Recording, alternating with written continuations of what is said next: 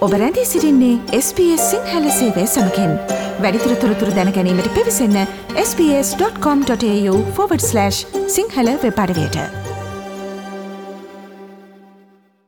SBS ගුවන් විතිලිය ප්‍රවෘත්ති කාලීන සිදුවීම් සහත්තෝරතුරු ඔබ වෙත සමීප කරවයි. සම්බන්ධ වන්න.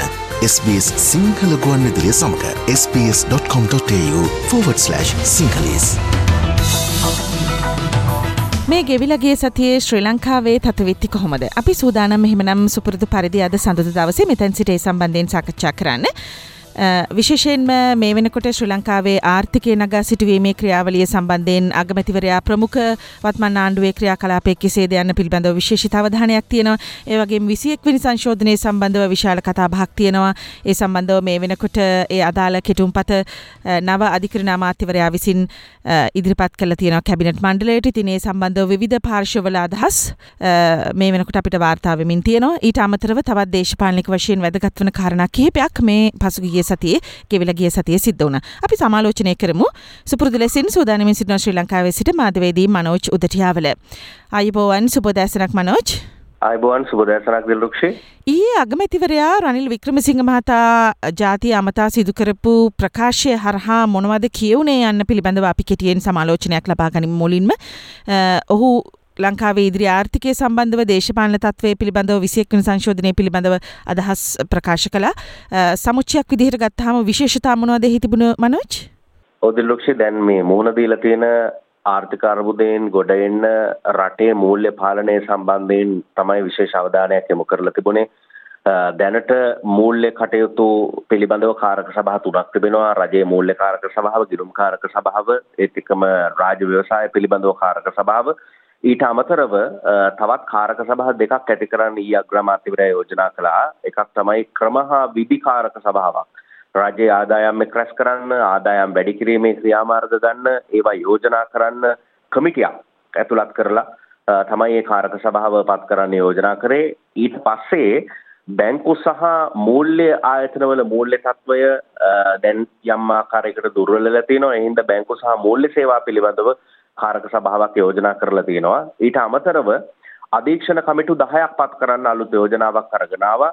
මූල්‍ය කාරක සභා පහක් වගේම අධීක්ෂණ කාරක සභා 10ක් පත් කරලා ඒවට සභාපතිවරු විදිහට පසුපෙළ මන්ත්‍රීවරුන් පත් කරලා ඒ අයට බලතල ලබා දෙන්න කාරක සභා 15ක් ඇති කරන්න යෝජනා කරා අග්‍රාමාත්‍යවරයා. එයින් හතරක් වෙනුවෙන් තරුණයින් පත් කරන්න කාරක සභා හතරක් වෙනුවෙන් තරුණයින් පත් කරන්න යෝජනා කරා එතකොට එකකට තරුණ පාර්ලිමේන්තුව එම නැත්නම් යොවුන් පාර්ලිමේන්තුව නියෝජනය කරන කෙනෙක්ට අවස්ථාව ලබා දෙන්න. ඒ වගේම දැනට මේ රටේ පවතින තත්ත්වයන් සම්බන්ධයෙන් අරගල කරන කණ්ඩායම්වල තරුණයින්ට නායකත්වය ලබා දෙන්න.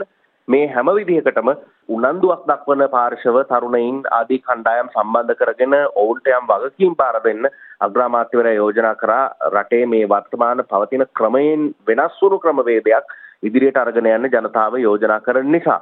ඒත් එක්කම ජාතික සභාවක් පිළිබඳව යෝජනාවක් කරා කතානායක අගමැති විපක්ෂ නායක ඇතුළු ප්‍රධාන පක්ෂ නායකයන්ගෙන් සමන්විත කමිටුවක් තමයි මේ ජාතික සභාව විදියට අග්‍රාමාත්‍යවරයා යෝජනා කරන්නේ කැබිනට් තීරණ ගැන කතා කරන්න පාර්ලිමේන්තුවේ ප්‍රතිසංවිධාන ගැන සාකච්ඡා කරන්න දේශපාලන මණ්ඩලයක් විදිහට මේ අය එකට එකතු වෙලා වැඩ කරන්න අග්‍රාමාත්‍යවරයා යෝජනා කරා. ඉතින් මේ 21 වෙනි සංශෝධනය පිළිබඳවත් අවධානය යොමු කරා.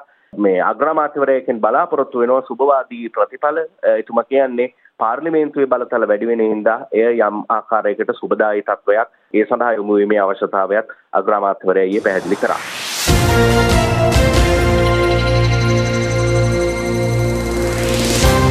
මේළඟට අවධානයට ලක්කරමු විසියෙක්වැනි සංශෝධනය පිළිබඳව මේ වෙනකොට ඉදිරිපත්වමින් තියෙන මතිමතාන්තර සහ අදහස් යෝජනා පිළිබඳව නව අධිකරණ බන්ධනාගාර සහ ව්‍යවස්ථා කටයුතු පිළිබඳ අමාත්‍යවරයා වන විජේදාස රාජපක්ෂ මහතා විසින් මෙය කෙටුම්පත් කරනු ලැබුවා. ඉන් අනතුරුව මේ වෙනකොට එය මේ ගෙවිල ගිය සතියේ සඳුදා කැබිනට මණ්ඩලයටත් ඉදිරිපත් කරලා තිබුණා. දැන් ඒක පාර්ලිමේන්තුවට ඉදිරිපත් කරන්නට නියමිතයි. එතනදී විශේෂතා විදිහට අපිට වාර්තාාවන කරුණු මොනවද මේ විසියක්කින සංශෝධනයට ඇතුළත් වන මනෝජ්. විශේෂයෙන් මේ ද්විත්ව පුරවැසි භාවය සම්බන්ධයෙන් වන ප්‍රශ්නය මේ වෙලාවේ කරඩියට ඇවිල්ලා තිබෙනවා ඒකත් ප්‍රධාන කරගෙන තමයි විශේෂයෙන් සංශෝධනයේ ඉදිරිපත් කරලා තියෙන්නේ. ඉතින් ඊට දේශපාලන පක්ෂ සංවිධාන විවිධ අදහස් දක්වනවා විශේෂයෙන්ම මේ වෙලාවේ පාර්ලිමේන්තුවේ බහුතරයක් තියෙන පොහොට්ටුව එම නැත්නම් ශ්‍රී ලංකා පොදු ජන පෙරමුණ මත දෙකක් දක්වන බවක් වාර්තා වෙනවා. එකක් තමයි එක කණ්ඩායමක් ජනාධිපතිවරයා ද්විත්ව පුරවැසි භාවය අයින් අයින් කරලා පාර්ලිමේන්තුවට ඇවිල්ලා වැඩ කරන්න යම් ආදර්ශයක් දුන්නා නම් ද්විත්ව පුරවැසියන්ට පාර්ලිමේන්තු පැමිණෙන්න බෑ කියන කාරණය තවදුරටත් ඉදිරියට පවත්වාගෙන යන්න. ඒ වගේම ජනාධිපතිවරයා සතු විධායක බලතලයේ අම්මාකාරයකට කප්පාදු කරලා පාර්ලිමේන්තුවට බලය දෙන ක්‍රමවේදයක් ඇති කරන්න පොහොට්ටු එක කණ්ඩායමක් කැමති. තවත් කණ්ඩායමක් මේකට විරුද්ධ බවක් පේන්න තියෙනවා ශ්‍රී ලංකා පොදු ජන පෙරමුණ නියෝජනය කරන ඇතැම් මන්ත්‍රීවරු කියන්නේ මේ වෙලාවේ 20 වෙනි සංශෝධනයේ නෙමෙයි අවශ්‍යතාවය. ජනතාවට සහන දෙන්න ආර්ථිකය ගොඩනැගීමේ අවශ්‍යතාවයක් තියෙන. ඒ හින්දා ඒවට ප්‍රමුඛත්වය ලබා දෙන්න ඕන කියලා ඔවුන්ගේ පැත්තෙන් කියනවා. එතකොට දැන් අපි දැක්ක ඊයේ සමගි ජනබලවේගයේ පැත්තෙන් සඳහන් කරද්දී ඔවුන් කියන්නේ ජනාධිපතිවරයාගේ බලතල අනිවාර්යෙන් කප්පාදු කිරීමක් කරන්න අවශ්‍යයි ජනාධිපතිවරයාට පාර්ලිමේන්තුවේ අමාත්‍ය දුර දැරීම ආදී කාරණා පිළිබඳව අවධානය යොමු කරන්න බෑ ඒව නොකළ යුතු කාරණා හැටියට සමගි ජනබලවේගය දකිනවා ඊට පස්සේ ඊයේ ශ්‍රී ලංකා නිදහස් පක්ෂය හිටපු ජනාධිපති මෛත්‍රීපාල සිරිසේන මහත්මයා අධිකරණ ඇමතිවරයාට ලිපියක් මගින් දන්වලා තිබුණා ඔවුන්ගේ සහයෝගය ලබා දෙනවා කියලා 21 වෙනි ආණ්ඩුක්‍රම ව්‍යවස්ථා සංශෝධනයේට. එතකොට ව්‍යවස්ථායක ව්‍යවස්ථාදායක සභාවක් පිහිටුවලා මාසයක් ඇතුළත නීති රීති බලාත්මක කරන්න කමිෂන් සභා ස්ථාපිත කරන්න අදාළ නීති රීති ක්‍රියාත්මක කරන්න ඒ වගේ යෝජනා මේට ඇතුළත් කරන්න ශ්‍රී ලංකා නිදහස් පක්ෂය යෝජනා කරනවා. ජනාධිපතිවරට ආරක්ෂක අමාත්‍ය ධූරය පමණක් දරන්න පුළුවන් විදිහට ව්‍යවස්ථාව සංශෝධනය වෙන්න ඕන කියලා ඔහු යෝජනා කරලා තියෙනවා ඒත් එක්කම යම් තාර්කික පදනමක් මත අමාත්‍යංශ 30ක් ස්ථාපිත කරන්න ඕන කියන වගේ යෝජනා ශ්‍රී ලංකා නිදහස් පක්ෂය පැත්තෙන් කරලා තියෙනවා. ජනතා විමුක්තිය පෙරමුණත් ඔවුන් කියන්නේත් මේ වෙලාවෙත් යම් ආකාරයෙන් දේශපාලන සූදු සිද්ධ වෙනවා. මේ තත්වයන් ඇතුලේ විශේෂ වෙන සංශෝධනය ක්‍රියාත්මක කරන්න ඔවුන්ගේ ඒ කියන්නේ සහයෝගය ලබා දෙනවා. ඊට අමතරව ඔවුන් යෝජනා කරලා තියෙනවා යම් යෝජනා කිහිපයක් ජනාධිපතිවරයාට සමාව දීමේ බලය ලබා දෙන්න විත්ත පුරවැසි භාවය පිළිබඳ කරුණු මන්ත්‍රීවරුන්ගේ වත්කම් විගණනය කරන්න අවශ්‍ය නීතිමය ප්‍රතිපාදන ව්‍යවස්ථා සංශෝධනයකදී අන්තර්කාලීන විධිවිධාන විදිහට මේ දැනට තියෙන පාර්ලිමේන්තුවේ කාලය සම්බන්ධයෙන් යම් සීමාවක් ඇතුළත් කරන්න මේ පාර්ලිමේන්තු දුර කාලයට පමණක් අදාළ වෙන විදිහට මේ ආදී යෝජනා කිහිපයක් ජනතා විමුක්ති පෙරමුණ පැත්තෙන් උත් කරලා ඔවුනුත් 21 වෙනි සංශෝධනයට සහයෝගය දෙන්න බලාපොරොත්තු වෙනවා. දැනට කැබිනට් මණ්ඩලයට විතරයි ඉදිරිපත් කරලා තියෙන්නේ. ඉදිරියේදී පාර්ලිමේන්තුවට මේ සංශෝධනය ගෙන්න බලාපොරොත්තුවක් තියෙනවා. නමුත් ශ්‍රී ලංකා පොදු ජන පෙරමුණේ සහයෝගය මේකට කොයි ආකාරයෙන් හිමි වෙයිද කියන එකේ තර්කයක් මේ වෙලාවේ තියෙනවා. ඔවුන් ඊට තරම් කැමැත්තක් නොදක්වන බවක් විශේෂයෙන් ද්විත්ව පුරවැසි භාවය සම්බන්ධයෙන් කාරණය බැසිල් රාජපක්ෂ මන්ත්‍රීවරයා පාර්ලිමේන්තුවේ රැඳී ඉන්නවා. ඔහුට ඇමරිකානු පුරවැසි භාවය තිබෙනවා. ඔහු පුරවැසි භාවය ඉවත් කරගන්න තරම් කැමැත්තක් නැති බවක් පේන්න තියෙනවා. ඒක මත පදනම් වෙලා පොදු ජන පෙරමුණේ ඔහුට හිතවත් බැසිල් රාජපක්ෂ මන්ත්‍රීවරයාට කණ්ඩායම් විශ්වවිද්‍යාල සංශෝධනයට අකමැත්ත ප්‍රකාශ කරයිද කියන සාකච්ඡාවකුත් මේ වෙලාවේ සමාජයේ ඇති වෙලා තියෙනවා. දැන් පාර්ලිමේන්තු සංහිතිය ගත්තාම බැසිල් රාජපක්ෂ මන්ත්‍රීවරයාට පක්ෂපාතී කණ්ඩායම් අපි නිකන් දල වශයෙන් ගත්තොත් සංඛ්‍යාත්මකව එය අනිත් කණ්ඩායම් අභිභවායන මට්ටමේ සංඛ්‍යාත්මක ප්‍රමාණයක්ද මොකක්ද එතන තියෙන සංහිතිය සම්බන්ධව තියෙන තත්ත්වය? සංයුතිය සම්බන්ධයෙන් කතා කරනවා නම් පාර්ලිමේන්තුවේ තුනෙන් දෙකක බහුතරයක් තිබුණු ආණ්ඩුවක් තමයි ශ්‍රී ලංකා පොදු ජන පෙරමුණ ප්‍රමුඛ ආණ්ඩුව. එතකොට බහුතර කණ්ඩායම ඉන්නේ ආණ්ඩුවත් එක්ක. නමුත් එතනත් කණ්ඩායම් දෙකක් මේ වෙලාවේ ඉන්නවා. එකක් තමයි බැසිල් රාජපක්ෂ හිටපු ඇමතිවරයාත් එක්ක කටයුතු කරන ශ්‍රී ලංකා පොදු ජන පෙරමුණ ගොඩනගද්දී ඔවුන් ප්‍රාදේශීය සභා සහ පළාත් සභා නියෝජනය කරන මන්ත්‍රීවරුන්ගෙන් සමන්විත කණ්ඩායම ඒ කණ්ඩායම පසුගිය පාර්ලිමේන්තු මැතිවරණයේදී පාර්ලිමේන්තුවට ආවා. එතකොට ඒ කණ්ඩායම බැසිල් රාජපක්ෂ හිටපු ඇමතිවරයා කේන්ද්‍ර කරගෙන කටයුතු කරපු පිරිස. ඒ කණ්ඩායම විශේෂ කිනි සංශෝධනයට අකමැත්ත ප්‍රකාශ කරන බව වාර්තා වෙනවා. ඒ කණ්ඩායමෙන් මතුවෙන මතය තමයි මේ වෙලාවේ ආණ්ඩුක්‍රම ව්‍යවස්ථා සංශෝධන නෙමෙයි අවශ්‍ය ජනතාවට සහාය දීමයි අවශ්‍ය කියන එක. එතකොට ඒ කණ්ඩායම විශේෂ කිනි සංශෝධනයට විරුද්ධ වේවි කියන අදහසක් තියෙනවා. ශ්‍රී ලංකා පොදු ජන පෙරමුණ නියෝජනය කරන තවත් කණ්ඩායමක් ඉන්නවා. ඔවුන් සඳහන් කරන කාරණයක් තමයි ජනාධිපතිවරයා ද්විත්ව පුරවැසි භාවය ඉවත් කරලා යම් ආදර්ශයක් දීලා තමයි ජනාධිපතිවරණ මැතිවරණ සටනට ආවේ.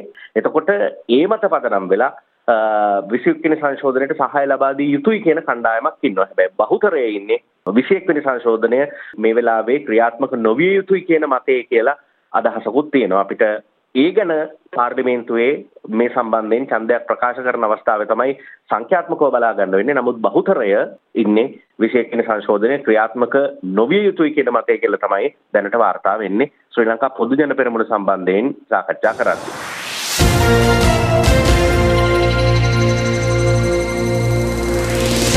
සතිය සිදුවනු තවත් විශේෂිත කාරණාවක් විදිහට බොහෝ දෙනෙකුගේ අවධානයට ලක් වුණා යුද හමුදාපතිවරයා මාරුවීම සම්බන්ධව. අපි දන්නවා යුද හමුදාපති ශවේන්ද්‍ර සිල්වා මහතා සහ ජනාධිපති ගෝටාබේ රාජපක්ෂ මහතා අතර තිබුණු සමීප සබඳතාවය. දැන් මෙය මාරුවෙන්න බලපාපු හේතු වන්නට පුළුවන් කියලා හිතන්නට උපකල්පනය කරන්නට පුළුවන් සිදුවීමුත් පසුගේ කාලවකවනි අපිට වාර්තාවමින් තිබුණා. මේ ඇතරම් වෙලාවට අපේක්ෂා කළ තත්වයක් විදිහට අපිට සලකන්නට පුළුවන්. විශේෂයෙන් ඔය උද්ඝෝෂණවලදී හමුදාපතිවරයාගේ ක්‍රියාකලාපේ සහ පොලිස්පතිවරයාගේ ක්‍රියාකලාපේ සම්බන්ධව විවිධ මති මතාන්තර යොමුණ අවස්ථාවලදී.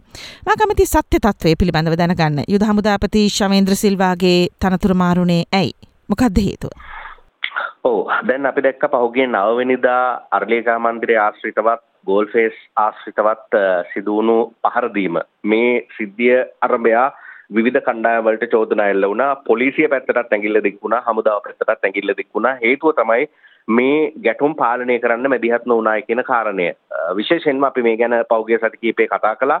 යම් විදිහට අර්ලීගහ මන්දිරය ආශ්‍රිතව අග්‍රාමාත්‍යවරයා රැඳී සිටපු වෙලාවේ උද්ඝෝෂණය කරපු කණ්ඩායම් ඒ ස්ථානයේ අවහිර කරපු කණ්ඩායම් ඉවත් කරන්න හමුදාපතිවරයටත් උපදෙස් දීලා තිබුණත් නමුත් ඒවා ක්‍රියාත්මක නොවුනේ ඇයි කියන එක සම්බන්ධයෙන් සාකච්ඡාවක් ඇති වෙලා තිබුණා. අපි දැක්කා මේ නවවෙනිදා ප්‍රහාරය එල්ල වුණු රාත්‍රියේ හිටපු අග්‍රාමාත්‍ය මහින්ද රාජපක්ෂ මහත්මයා අරලියගා මන්දිරයෙන් නික්ම ගියා. හැබැයි නික්ම යන මොහොත වෙනකම්ම ඒ ස්ථානයේ පිරිස් රැඳෙමින් විරෝධතා දක්වපු බවක් වාර්තා වෙනවා. ඒ විරෝධතා පාලනය කිරීම සඳහා හමුදාව දක්වපු දායකත්වය ප්‍රමාණවත්ද කියන එක සම්බන්ධයෙන් යම් ප්‍රශ්නාර්ථයක් තියෙනවා. ඒත් එක්කම මේ ගැටුම් මර්ධනය කරන්න ක්‍රියාත්මක නොවීම පිළිබඳව පාර්ලිමේන්තු ආණ්ඩු පක්ෂ පාර්ලිමේන්තු මන්ත්‍රාය මන්ත්‍රී කණ්ඩායමේදීත් සාකච්ඡා වැළඳන ඔබට මතකයි පොලිස්පතිවරයාත් පැමිණි සාකච්ඡාව ඒකෙදි පොලිස්පතිවරයාට ඍජුව මන්ත්‍රීවරුන් හිටපු ඇමතිවරුන් චෝදනා කරද්දී හමුදාව ක්‍රියාත්මක වුණු ආකාරය සම්බන්ධයෙන් උත් ඇතැම් මන්ත්‍රීවරුන් ප්‍රශ්න කරලා තිබුණා මේ සියල්ල ආරම්භය දැන් සිද්ධ වෙලා තියෙනවා හමුදාපතිවරයාට හමුදාපති දුරයෙන් ඉවත්ව යන්න. යුද හමුදා මාණ්ඩලික ප්‍රධානී විදියට කටයුතු කරන විකුම් ලියනගේ යුද හමුදාපති දුරේ වැඩබාර ගන්න නියමිතව තිබෙනවා ජුනි මාසේ පළවෙනි දිනදලා ජනරල් ශවේන්ද්‍ර සිල්වා යුද හමුදාපතිවරයා නව ආරක්ෂක මාණ්ඩලික ප්‍රධානී විදිහට එදා කටයුතු බාරගන්න නියමිතයි කියලා තියෙනවා. ඔහු ඒ තනතුර දැන් බාරගන්න බව ස්ථිරයි.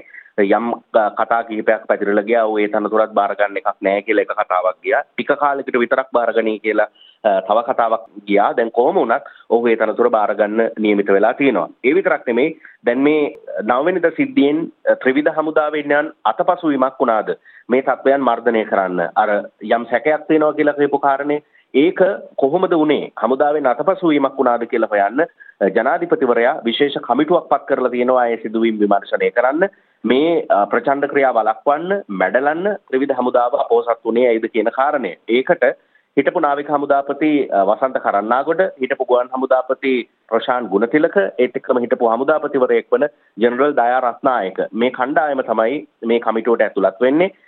මේ සිද්ධීන් සම්බන්ධයෙන් විමර්ශන පසුගියදා මේ කමිටුව පත් කරපු දවසේම ආරම්භ කරලා තිබුණා. ඒ හරහා ත්‍රිවිධ හමුදාව ක්‍රියාත්මක නොවීම සිද්ධ වුණා නම් ඒ යම් හේතුවක් මතද කියන කාරණා හොයා ගනීවි. ඉතින් දැනට තියෙන තත්ත්වය අනුව හමුදාපතිවරයා දොරෙන් විශ්‍රාම යන්න නියමිතයි. පළවෙනිදා අලුත් හමුදාපතිවරයා විදිහට විකුම් ලියනගේ පත් වෙන්න නියමිතයි. ජේෂ්ඨ නියෝජ්‍ය පොලිස්පති මාරුවක් පිළිබඳවත් තොරතුරු වාර්තා වෙනවා. මෙහි තියෙන තත්ත්වය මොකක්ද? ඇයි මේ වගේ දෙයක් සිදු වෙන්නේ? ඔව් දැන් අපි දන්නවා පහුගිය දිනවල සිදුවුණු සිදුවීම් වලට පොලිසියටත් යම් ආකාරයකින් චෝදනාවක් එල්ල වුණා. ඒ සම්බන්ධයෙන් නැතම් නිලධාරීන්ට එරෙහිව විමර්ශනත් ක්‍රියාත්මක වෙනවා. ඉතින් දැන් හේතුව මේකම කියලා නෙවෙයි ජ්‍යෙෂ්ඨ නියෝජ්‍ය පොලිස්පතිවරුන් තුන්දෙනෙකුට ස්ථාන මාරුවීම් ලබා දීලා තියෙනවා. අපි දන්නවා අපරාධ හා රථවාහන දිශාව භාරව කටයුතු කරපු ජ්‍යෙෂ්ඨ නියෝජ්‍ය පොලිස්පති අජිත් රෝහණ දකුණු පළාත භාර ජ්‍යෙෂ්ඨ නියෝජ්‍ය පොලිස්පතිවරයා විදිහට ස්ථාන මාරු කරලා තියෙනවා. දකුණු පළාත භාරව හිටපු නියෝජ්‍ය ජ්‍යෙෂ්ඨ නියෝජ්‍ය පොලිස්පති MDRS දමින්ද ඔහුට නැගෙනහිර පළාත භාර ජ්‍යෙෂ්ඨ නියෝජ්‍ය පොලිස්පතිවරයා දක්වා මාරුවක් ලබා දීලා තියෙනවා ඒත් එක්කම නැගෙනහිර පළාත බහරව කටයුතු කරපු ජ්‍යෙෂ්ඨ නියෝජ්‍ය පොලිස්පති LKWK සිල්වා ඔහුව අපරාධ හා රථවාහන දිසාව බහර ජ්‍යෙෂ්ඨ නියෝජ්‍ය පොලිස්පතිවරයා විදිහට ස්ථානමාරු වීම ලබා දීලා තියෙනවා. SBS ගුවන්විදිලිය ප්‍රවෘත්ති කාලීන සිදුවීම් සහ තොරතුරු ඔබ වෙත සමීප කරවයි. සම්බන්ධ වන්න SBS සිංහල ගුවන්විදිලිය සමඟ sps.com.tu/ සිංහලස්. ශ්‍රී ලංකාවේ තත්ත්වවෙත්ති පිළිබඳව කතා බහ කරමින් සිටින මේ අපේ සාකච්ඡාවට මීළඟට මම එකතු කරගන්නට කැමති.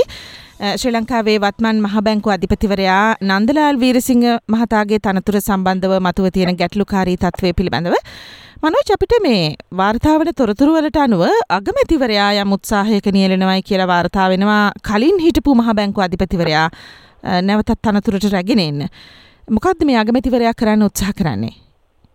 ඔව් දැන් එහෙම අදහසක් පෞගේ කාලේ පැතිරුණා. දැන් නන්දලාල් වීරසිංහ මහ බැංකුව අධිපතිවරයා පත් වෙන විට හිටපු මුදල් ඇමතිවරයා නෙමෙයි දැන් මුදල් අමාත්‍යවරයා විදිහට කටයුතු කරන්නේ. පෞගේ සතියේ අග්‍රාමාත්‍ය රනිල් වික්‍රමසිංහ මහත්මයා මුදල් ඇමතිවරයා විදිහට දිවුරුම් දුන්නා. ඒ දිවුරුම් දීමත් එක්ක මුදල් අමාත්‍යාංශය හා සම්බන්ධ ආයතනවල තනතුරු වල වෙනසක් වේවිද කියලා යම් අදහසක් ගියා. එතන යම් රාවයක් තිබුණා. එතකොට හිටපු මහ බැංකුව අධිපතිවරයෙක් වන ආචාර්ය ඉන්ද්‍රජිත් කුමාරස්වාමී මහ බැංකුව අධිපති තනතුරට පත් කරාවිද කියලා සමාජයනුත් ඒ පිළිබඳව යම් කාරණා සාකච්ඡා වෙන්න ගත්තා. වර්තමාන මහ බැංකුව අධිපතිවරයා පිළිබඳව සමාජයේ යහපත් ප්‍රවණතාවක් තියෙනවා. ඉතින් ඒ හින්දා ඔහු ඉවත් නොකළ යුතුයි කියන වගේ අදහසුත් ක්‍රියාත්මක වුණා. එහෙම ඉවත් වීමක් තාම එහෙම සිද්ධ වෙලා නැහැ. ප්‍රසිද්ධියේ පිළිබඳව සාකච්ඡා වෙලක් නැහැ. කොමුණත් ජනාධිපතිවරයා මුණ ගැහිච්ච වෙලාවේදී මහ බැංකුවේ කාර්යභාරය ස්වාධීන විදිහට කරගෙන යන්න පූර්ණ සහයෝගය ලබා දෙන බව ජනාධිපතිවරයා සඳහන් කරලා තිබුණා. මහ බැංකුව අධිපතිවරයාත් මූල්‍ය මණ්ඩලයේ සමාජිකයෙක් වුණු සංජීව ජයවර්ධන මහත්මයාත් කොළඹ ජනාධිපති මන්දිරයේදී තමයි ජනාධිපතිවරයාත් එක්ක මේ සාකච්ඡාව කරලා තිබුණේ. පත්වුණු කෙටි කාලය ඇතුළේ මූල්‍ය අර්බුදය පාලනය කරන්න යම් ආකාරයෙන් යහපත් අතට හරවන්න මහ බැංකුව අධිපතිවරයා ගත්තු ක්‍රියාමාර්ග ජනාධිපතිවරයා යම් පැසසීමකට ලක් කරලා තියෙනවා ආර්ථික ක්ෂේත්‍රයේ ප්‍රවීණයන්ගේ දායකත්වය අරගෙන ජාත්‍යන්තර මූල්‍ය අරමුදල ලෝක බැංකුව මූල්‍ය ආයතන සමග සාකච්ඡා කරලා ගෙන යන වැඩපිළිවෙල යම් සාර්ථක ප්‍රගතියක් ඇති කරගෙන තියෙනවා කියලාත් මහ බැංකුව අධිපතිවරයා මේකෙදි සඳහන් කරලා තියෙනවා. උද්දමනය පාලනය කරන්න ආර්ථිකයේ ශක්තිමත් භාවයක් වෙනුවෙන් ක්‍රියාත්මක කරන්න යම් සාධනීය දායකත්වයක් දක්වපු බව ඔවුන්ගේ පැත්තෙන් පැහැදිලි කරලා තියෙනවා ජනාධිපතිවරයාත් රාජ්‍ය තාන්ත්‍රික මට්ටමින් උනත් මැදිහත් වීම සිද්ධ කරලා ඔවුන් කරගෙන යන කාර්යභාරය ඉදිරියට කරගෙන යන්න සහයෝගය ලබා දෙන බව ජනාධිපතිවරයා මහා බැංකුව අධිපතිවරයාට සඳහන් කරලා තියෙනවා.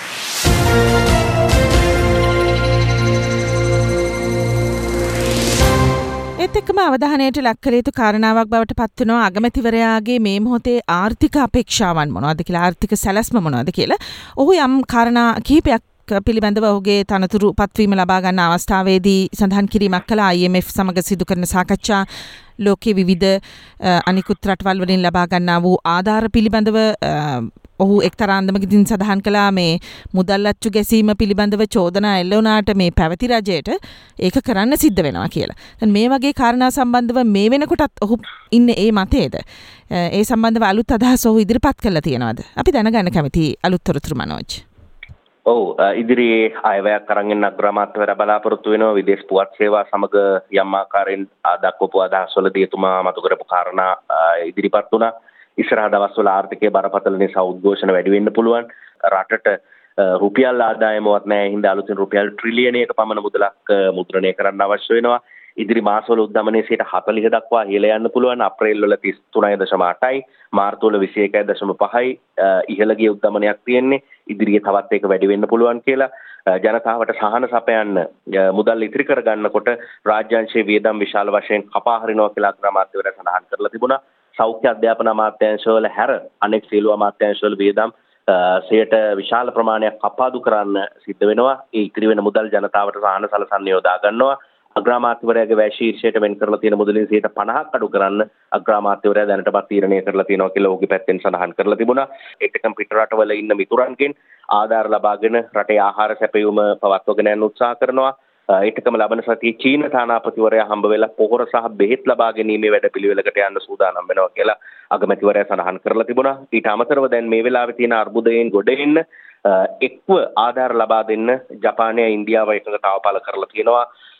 කෝඩ් සමුළුවට සමගාමීව ටෝකියෝ නුවරදී ඉන්දියාවේ අගමැතිවරයයි ජපාන අගමැතිවරයයි යම් සාකච්ඡාවක් තිබිලා තියෙනවා. එහිදී ඇමරිකාව, ඉන්දියාව, ජපානය, ඔස්ට්‍රේලියාව කියන රටවල් වල ප්‍රමුඛත්වයෙන් ලංකාවට විදේශ ආධාර දෙන රටවල එකතුවක් බිහි කිරීමට අග්‍රාමාත්‍යවරයා යෝජනාවක් කරලා තියෙනවා. කොහොමුණත් ඉන්දියාවත් ජපානයක් දැනට එකතු වෙලා ලංකාවට ආධාර ලබා දෙන්න එකඟතාවයකට ඇවිල්ලා තියෙනවා. ඉතින් ඒව තමයි ගෙවුණු සතිය ආර්ථිකය සම්බන්ධයෙන් අපිට අහන්න ලැබුණු විශේෂ කාරණා.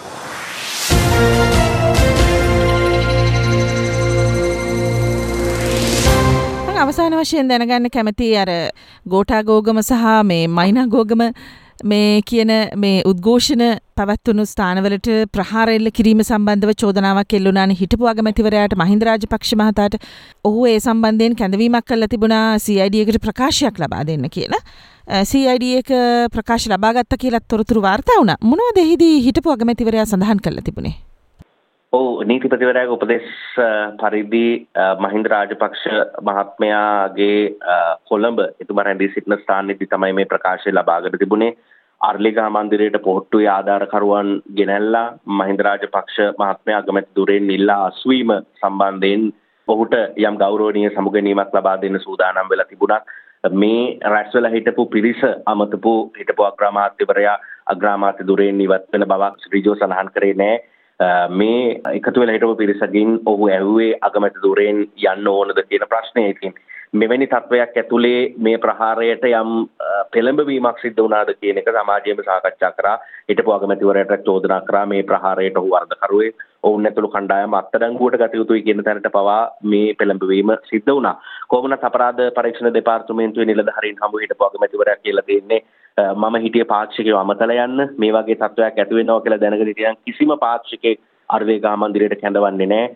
තමා මෙවැනි දෙයකට කිසිම පෙළඹවීමක් කරන්නේ නැහැ. එහෙම සිද්ධියක් වෙන බව දැනගෙන හිටියනම් ඒක වළක්වනවා කියලා එතුමා සඳහන් කරලා තිබුණා. ඉතින් මේ අපරාධ පරීක්ෂණ නිලධාරීන්ට දුන්නු ප්‍රකාශයට අදාළව පූර්ණ සටහනක් නීතිපතිවරයාට ඉස්සරහට ලබා දෙන්න බලාපොරොත්තු වෙනවා කියලා සඳහන් වෙනවා අපරාධ පරීක්ෂණ දෙපාර්තමේන්තුවේ නිලධාරීන්. ඊට පස්සේ නැවත වරක් මහින්ද රාජපක්ෂ හිටපු අග්‍රාමාත්‍යවරයාගෙන් අපරාධ පරීක්ෂණ දෙපාර්තමේන්තුව ප්‍රකාශයක් ලබා ගනීවි කියලත් වාර්තා වෙනවා. සූතිවන්ත වෙන ගමන් ඔබට සමුදීම සටහන් කරනවා මනෝජ්. බොහෝම ස්තුතියි මේ ගෙවෙනගේ සතියේ ශ්‍රී ලංකාවේ සිදුවුණු දේශපාලනික තත්විත්ති පිළිබඳ විග්‍රහයට එකතුවීම පිළිබඳව. එමනම් අපි හමුවමු. ලබන සතියත් සඳදා. අයිපවන් බොම සූතිීද ලක්ෂ අයිපවන්.